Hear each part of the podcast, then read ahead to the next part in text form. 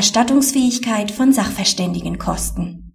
Lässt sich eine Partei für die Dauer eines Bauprozesses durch einen Privatgutachter umfassend beraten, sind die daraus entstehenden Kosten im Regelfall nicht erstattungsfähig.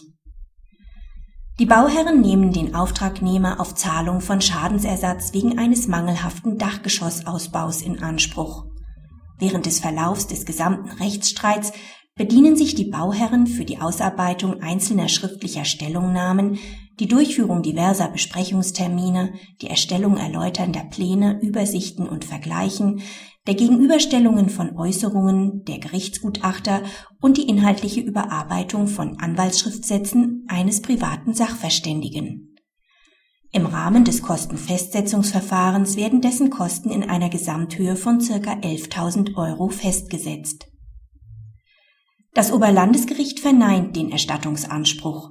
Nach ständiger obergerichtlicher Rechtsprechung sind die Kosten eines innerprozessual privat eingeholten Sachverständigengutachtens ausschließlich dann zu erstatten, wenn das Gutachten prozessbezogen ist und die Partei nicht über die notwendige eigene Sachkunde verfügt, um auf den Vortrag des Gegners entsprechend reagieren zu können.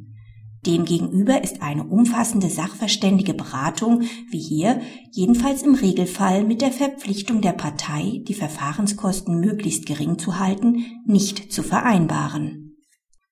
Praxishinweis. In der Regel ist eine Erstattungsfähigkeit von Kosten eines privaten Sachverständigen anerkannt, wenn ein gerichtliches Sachverständigengutachten zu überprüfen, zu widerlegen oder zumindest zu erschüttern oder aber die Waffengleichheit wiederherzustellen ist so etwa wenn der Gegner seinerseits ein Privatgutachten eingeholt hat. Daraus erwächst einer Partei aber kein Anspruch auf eine vollständige sachverständige Prozessbegleitung.